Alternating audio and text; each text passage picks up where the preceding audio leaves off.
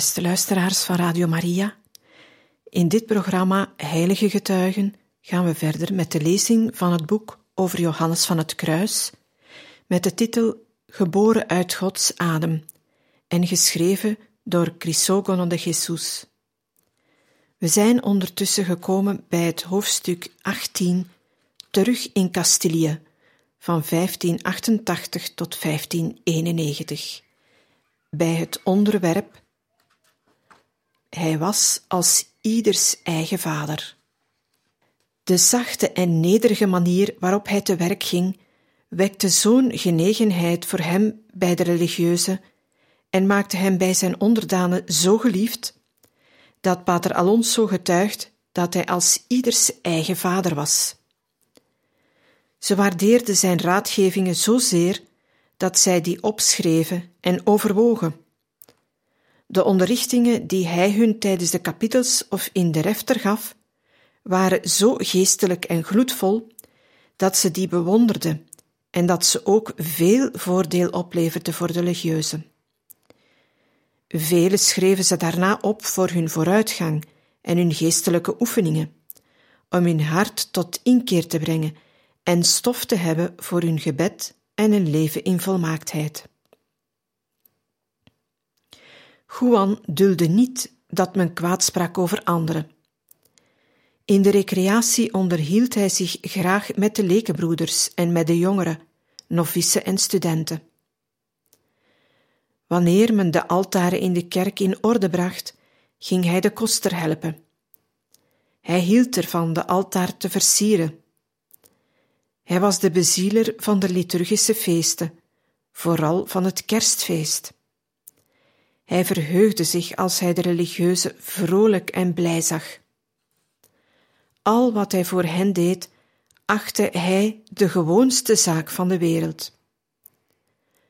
Pablo de Santa Maria, die al vanaf de stichtingsdagen in Segovia is, ziet hem een nieuwe tuniek uitrekken, die in heel goede staat verkeerde, om die aan een van zijn onderdanen te geven, en zelf in de strenge Segoviaanse winter een oude versleten tuniek aantrekken.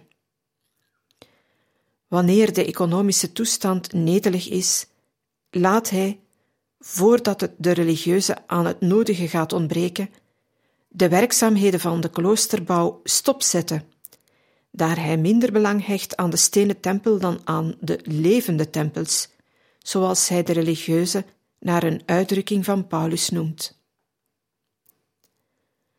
Een ander voorbeeld van de omzichtigheid en de liefde waarmee hij zijn broeders corrigeerde en de religieuze behandelde, is het volgende. Op een avond toen Johannes van het Kruis door een bepaald deel van het klooster in Segovia liep, tijdens het uur van de stilte, ontmoette hij twee paters die samen spraken. Hij waarschuwde en corrigeerde hen voor hun nalatigheid door hen alleen maar aan te kijken zonder iets te zeggen. Dat bracht hen tot inkeer. De volgende dag zag de heilige hen beiden in de recreatie en zei lachend tot een van hen: Zeg me eens in mijn oor waar jullie het gisteren over hadden toen ik jullie tegenkwam. De pater zei hem: We spraken daar en daar over. Het hoofd naar de ander kerend, vroeg de heilige hem hetzelfde, en die antwoordde: We spraken daar en daar over. En geen van beiden zei de waarheid. Toen zei de heilige hun: Dat was het niet. Jullie spraken hierover. En zo was het ook. Beiden zagen vol bewondering dat God het hem getoond had, want ze wisten dat niemand hen had kunnen horen. De zielzorger. Deze bestuurstaken worden afgewisseld met de geestelijke leiding van de gelovigen. Evenals in Baeza en in Granada komen de meest vooraanstaande personen uit Segovia hem raad vragen. Onder andere Don Juan de Orozco y Covarrubias, aartsdiaken van Cuellar en kanuniek van de kathedraal van Segovia, en Diego Muñoz de Godoy, kanuniek en vicaris-generaal. Don Juan de Orozco zag Johannes van het Kruis voor het eerst op 19 maart 1574 in de eerste kapel van de ongeschoeide Karmelitessen, de dag van de stichting door moeder Teresa.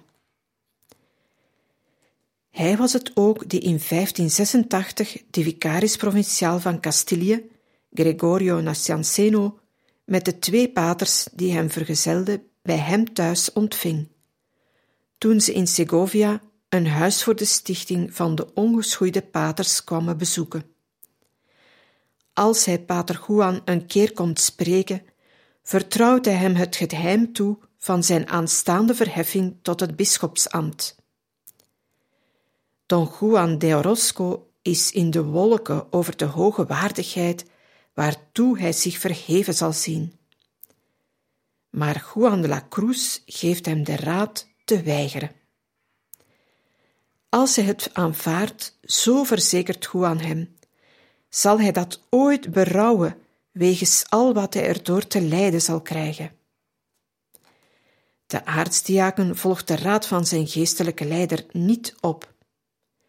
Hij gaat naar het bisdom Agrigento op Sicilië. Overstelpt met narigheden zal hij tenslotte zijn ontslag aanbieden.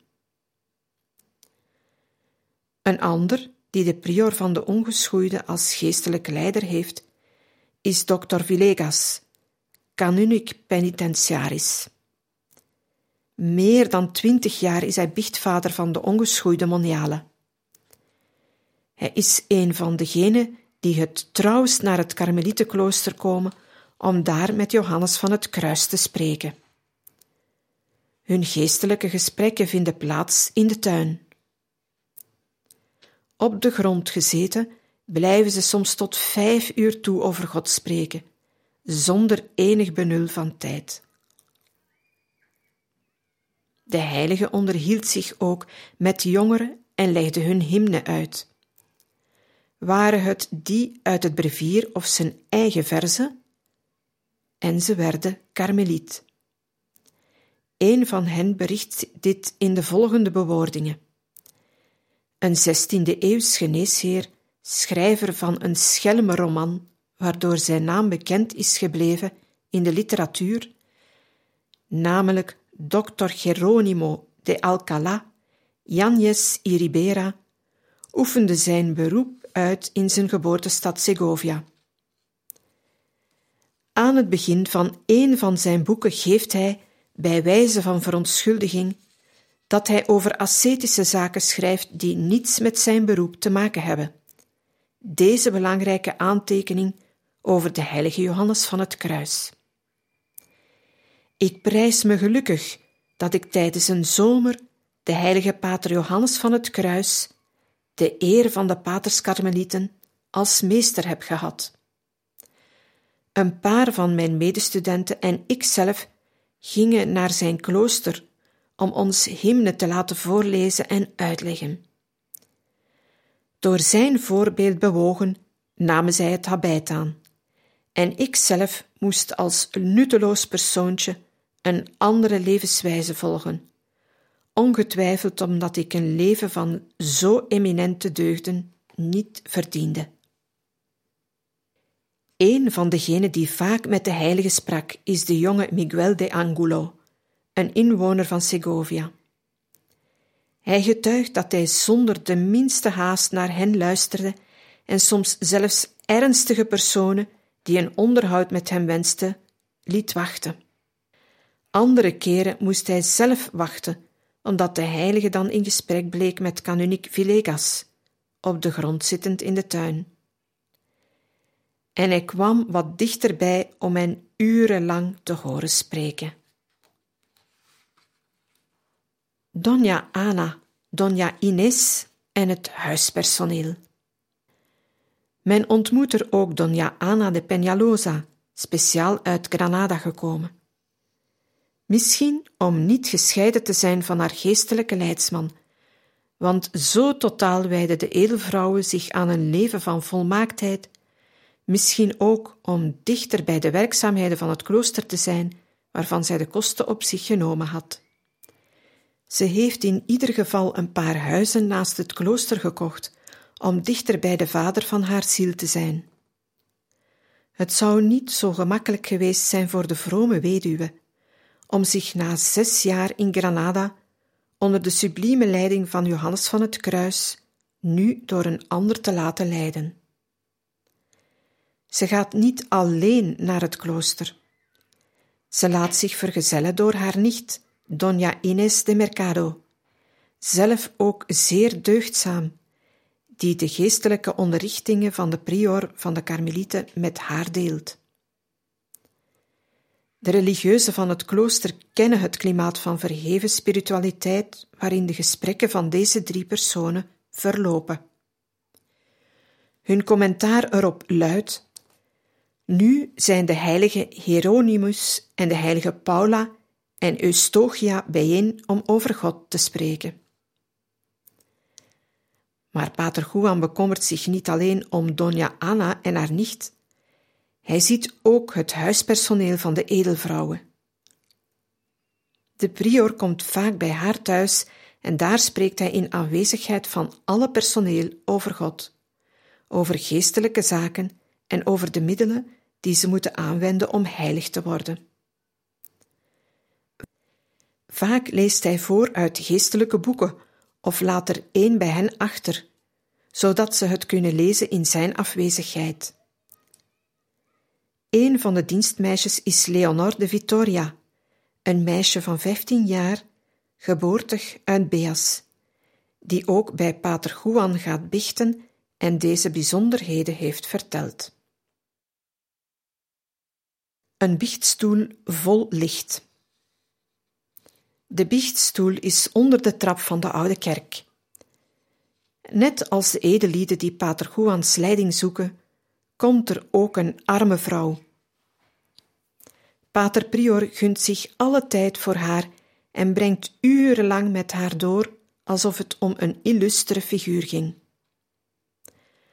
Uit deze onder de trap verborgen biechtstoel heeft Miguel de Angulo stralend licht zien komen. Het trof hem op het gelaat als hij de deur van de kerk opende, en hij heeft dit feit driemaal vastgesteld. Op een dag besluit hij Pater Juan tijdens de biecht te vragen wat voor licht dat is. Zwijg, Domor, zeg niets, antwoordde hem, het gesprek onderbrekend. Maar Miguel de Angulo is niet de enige die dit verschijnsel heeft waargenomen.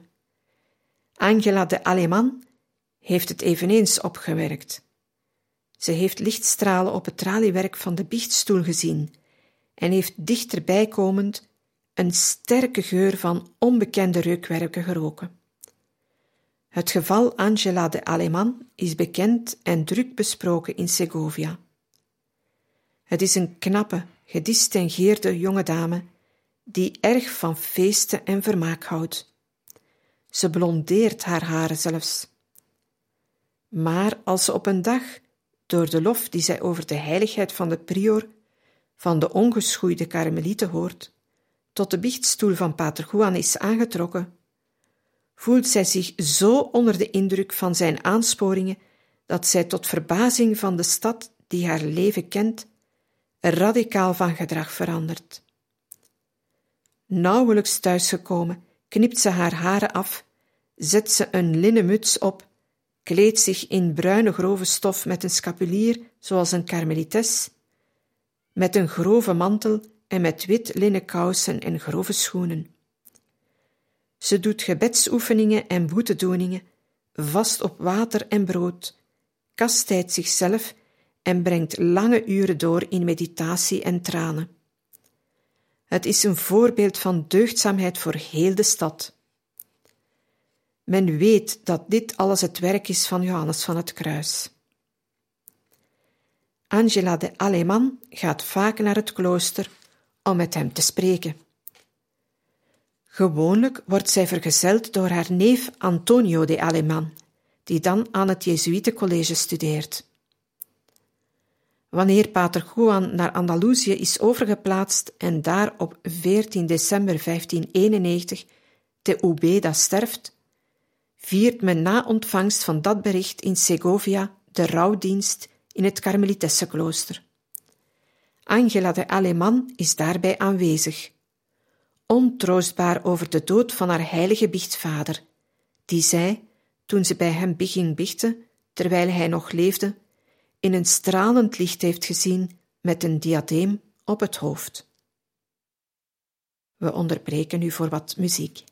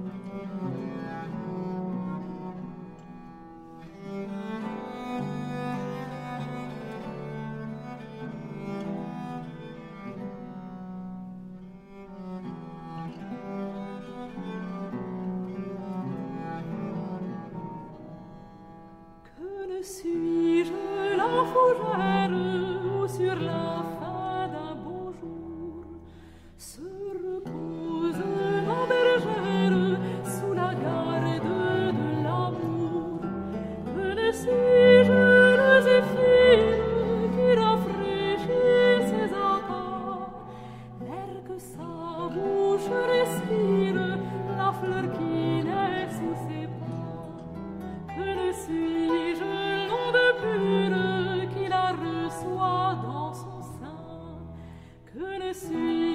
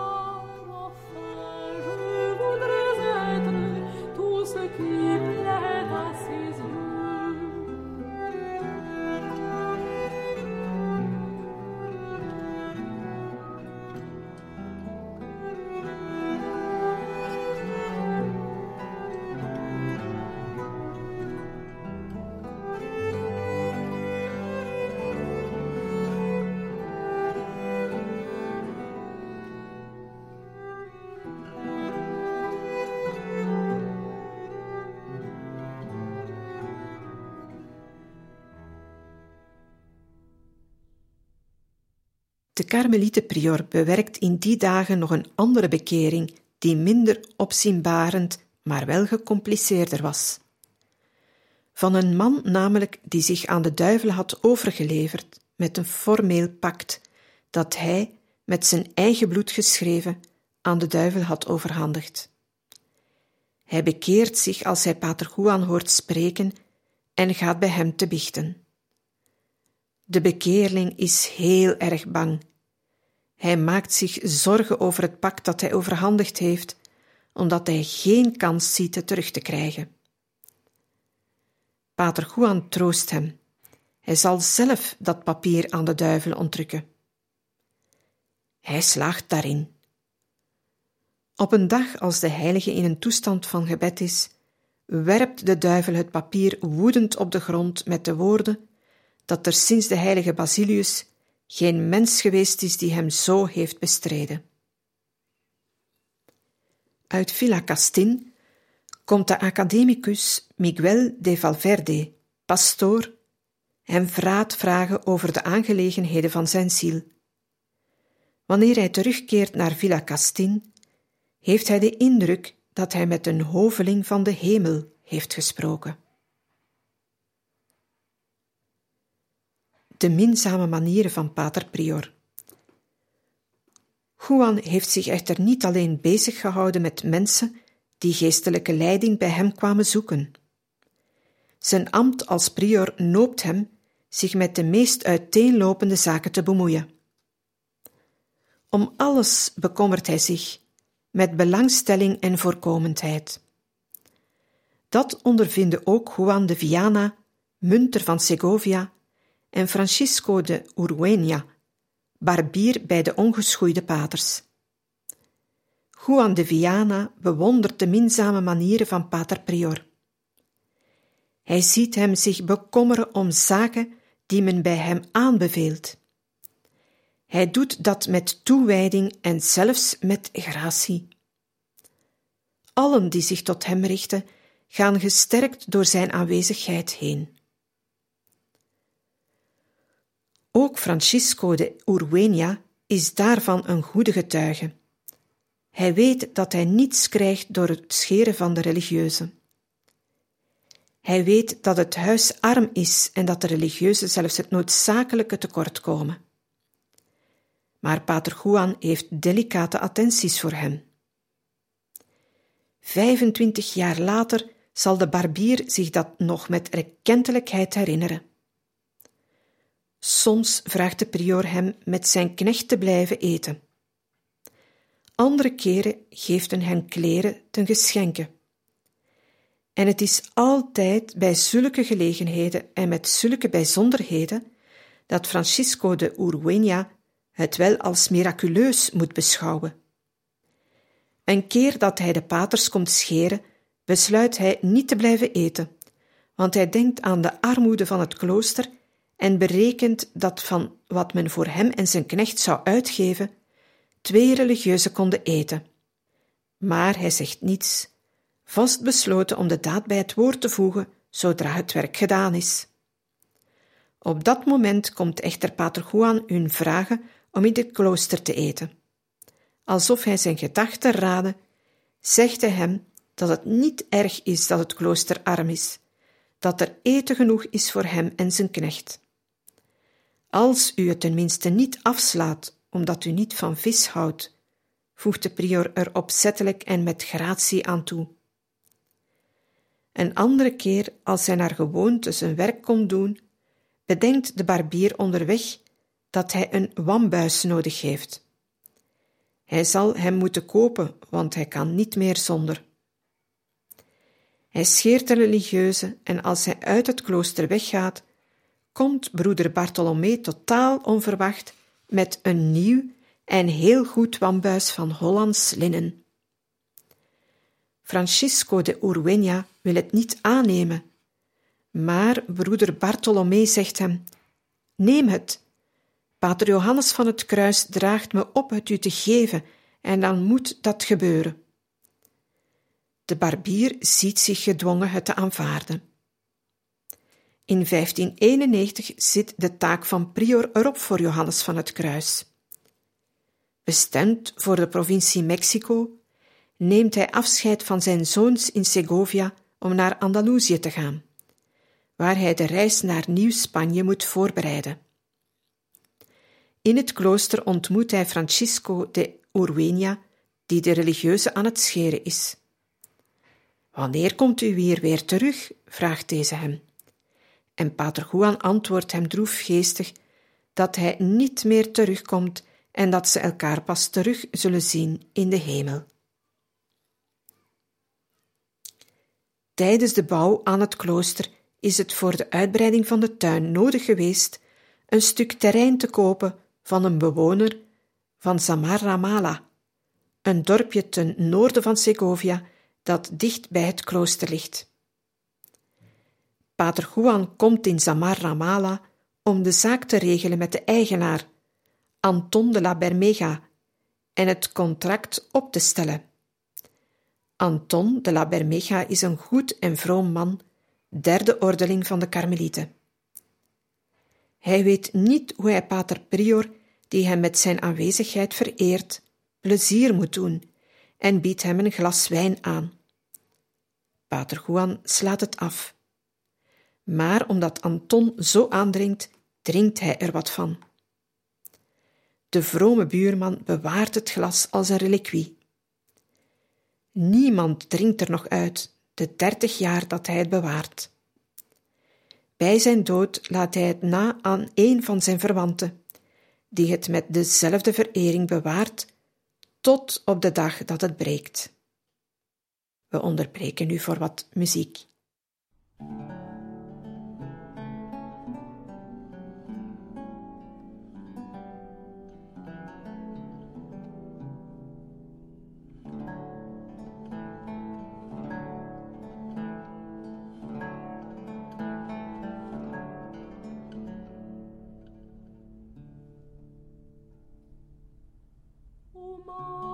do.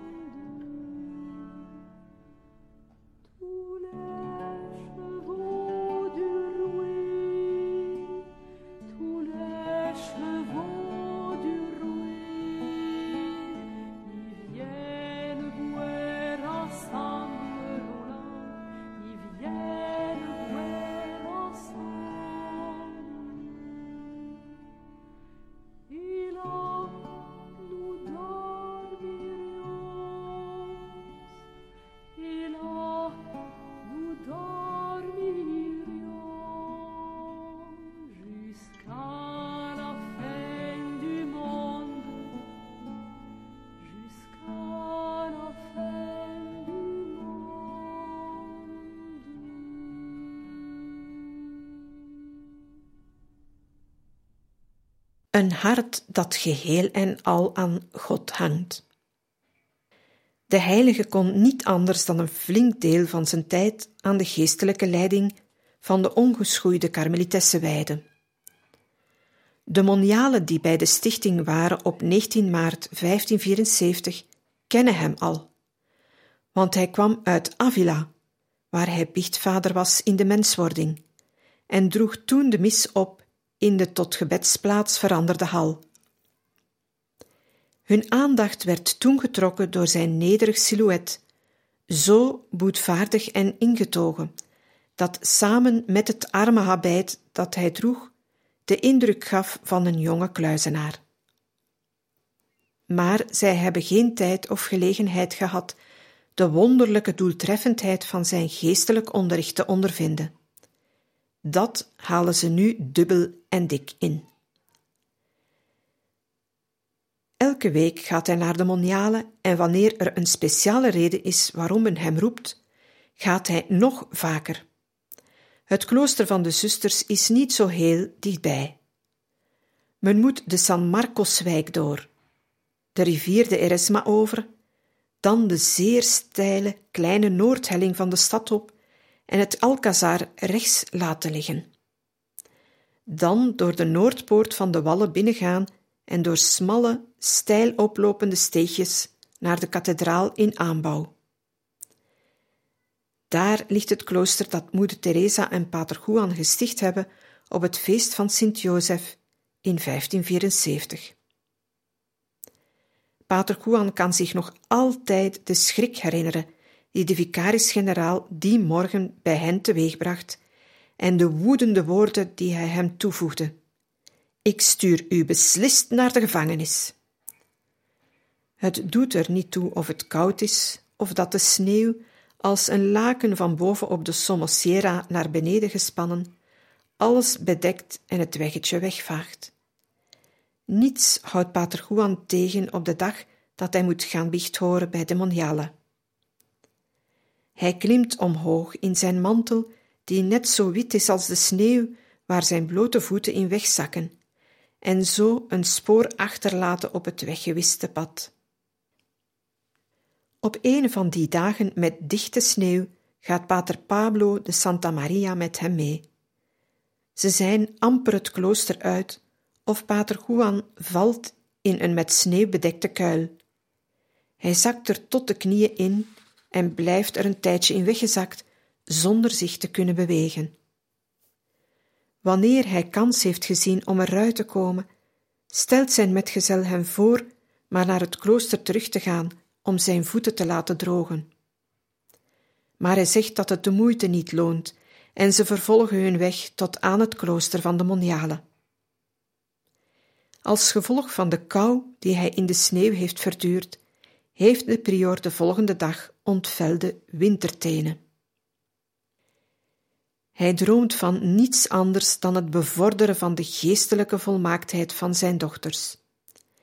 Dat weten ze allemaal, zelfs zonder dat hij erover spreekt. Gewoon door hem te zien, begrijpen ze al dat hij een hart heeft dat geheel en hal hangt aan God.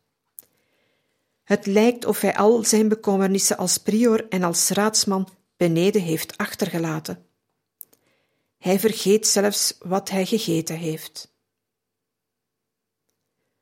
De zusters vragen het hem expres en zich inspannend om het zich te herinneren, zegt hij: Wacht eens even, wacht eens. En moet het dan opgeven als iets wat onmogelijk is. Soms verliest hij, als hij voortdurend naar binnen getrokken werd, de draad van zijn betoog en zegt hij tegen moeder Priorin, Maria de la Encarnación, zeg eens waarover we spraken. Wanneer daarentegen in de gesprekken die gewoonlijk over God gaan, soms in enkele woorden samengevatte wereldse zaken voorkomen, onderbreekt hij de dialoog snel en zegt tegen de priorin: Laten we die beuzelarijen achterwege en spreken we over God. Het idee dat het geschapene geen belang heeft naast de schepper, had hij al uitgedrukt in de bestijging van de berg Karmel. Alle schepselen zijn slechts kruimels die van Gods tafel zijn gevallen. Hoezeer ondervonden de monialen de waarheid van het woord van Pater Doria, dat hij hun in de spreekkamer een keer toesprak. De woorden van Pater Johannes van het Kruis zijn als peperkorrels die de eetlust opwekken en warm maken. We onderbreken voor wat muziek.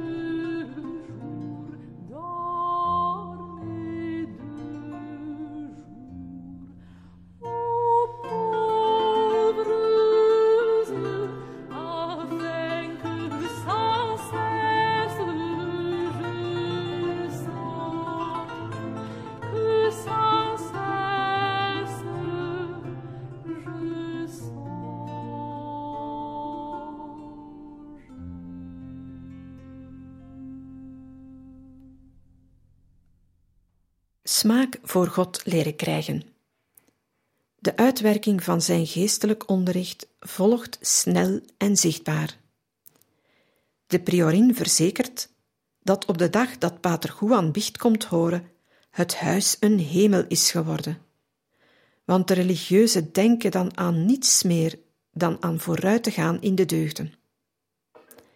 Het staat vast dat hij hun geen offer bespaart. Hij geeft aan de novice dezelfde aandacht als aan de priorin. Telkens wanneer men het hem vraagt, gaat hij naar het Karmelitessenklooster en hij keert pas naar zijn eigen klooster terug, als hij de religieuze die om hem gevraagd heeft, gerustgesteld en getroost heeft. En dat zelfs als hij pas laat kan eten of ander ongemak moet verduren. Bij sommige gelegenheden moet hij al zijn geduld opbrengen en al zijn mystieke wijsheid gebruiken. Mariana Lacruz is een intuïtieve geest. Ze kan niet redeneren bij het stilgebed en raakt ontmoedigd, vast besloten om het op te geven, want ze denkt dat het verloren tijd is.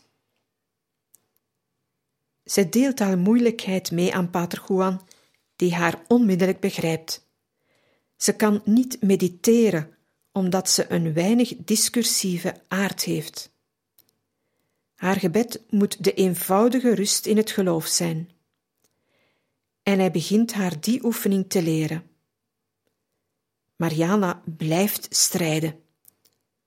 Het lijkt haar dat ze geen enkele vordering maakt. Ze voelt niets van goddelijke invloed. Maar Juan dringt niettemin aan. Ze moet zo doorgaan tot haar hart, dat nog verstoord is, haast onmerkbaar weer de smaak krijgt van de eenvoudige aandacht voor God. Zijn dat immers niet de kenmerken van de liefdevolle aandacht die hij zo nauwkeurig beschreven heeft in het tweede boek van de bestijging? Het geval Mariana de la Cruz is een bevestiging van die leer. Ten slotte komt zij, doordat de geestelijke leider er bij de zuster op aandringt niet op te geven, zo ver dat zij de invloed van God aanvoelt in die oefening en een echte contemplatieve gaat worden. Zuster Isabel de Jesus, een lieve novice van dertien jaar, wordt zeer teder bemind door de heilige biechtvader. Al wat zij pater Juan hoort zeggen, maakt een sterke indruk op haar en blijft in haar ziel gegrift. Wanneer ze de biechtstoel uitkomt, blijft ze een half uur haar zonde bewenen. En het is een engel van een kind. Pater Juan heeft haar laten merken dat hij het intiemste van haar ziel kende. Hij bood haar op een dag de veertig strofen van het geestelijk hooglied aan, die hij eigenhandig had geschreven. De kroniek van het klooster verhaalt nopens het vertrouwen en de liefde van de heilige Johannes van het Kruis voor deze karmelites de volgende verrukkelijke en profetische episode. De heilige kende door een licht van de hemel de onschatbare rijkdom aan deugd die de Heer in deze ziel zou smaken. Hij hield dan ook zeer teder van haar en hij sprak graag met haar wegens haar zuiverheid en haar eenvoud. Op een dag vroeg hij haar of zij van hem hield. In de mening dat zij hem zo het sterkst uitdrukte dat zij verschrikkelijk veel van hem hield, antwoordde zij: Ja, pater, ik houd van u, eerwaarde, op de meest geveinsde manier. De heilige lacht en vraagt haar: Zodat je dus met geveinsdheid van me houdt, mijn dochter? Ja, pater, antwoordt zij. Dan zegt de heilige haar: En ik houd veel van je omdat je voorbestemd bent. Zij stierf op 88-jarige leeftijd, na 75 jaar kloosterleven. In dezelfde kroniek komt Isabelle de la Visitation ter sprake, die de communiteit aannam tegen het advies van de heilige in. die zei dat zij een zeer buitengewone geest was en veel zou moeten lijden. Zij deed haar professie in 1590 en werd zo door de duivels gekweld dat zij de communiteit allerlei narigheden bezorgde. De eerbiedwaardige Ana de San José, volle nicht van Pater Gracian, die van Segovia naar de stichting van Consuegra ging, bericht dat Johannes van het Kruis in Segovia kwam, om haar biecht te horen, daar zij ziek was van aanhoudende twijfels. Zuster Isabel getuigt. Toen hij me vroeg waar het kwaad, dat in feite door enkele kleine innerlijke angsten veroorzaakt werd, vandaan kwam, en ik het hem weigerde te zeggen, vertelde de heilige me ze allemaal zelf, waarbij hij me zei dat toen hij me had aanbevolen bij de Heer, deze hem gegeven had alles te begrijpen. Hij hoorde dus mijn biecht en zei me geen zorg te hebben en dat ik weldra goed gezond zou zijn. Zo was het ook en ik was heel snel genezen. Ik heb veel te danken aan deze heilige tijdens zijn leven en na zijn dood. Beste luisteraars van Radio Maria, we beëindigen voor vandaag weer deze lezing uit het boek over Johannes van het Kruis en gaan volgende keer verder met het hoofdstuk 18 terug in Castilië bij het onderwerp Het pure kruis, dat is een volmaakt iets. Bedankt voor het luisteren en graag tot een volgende keer.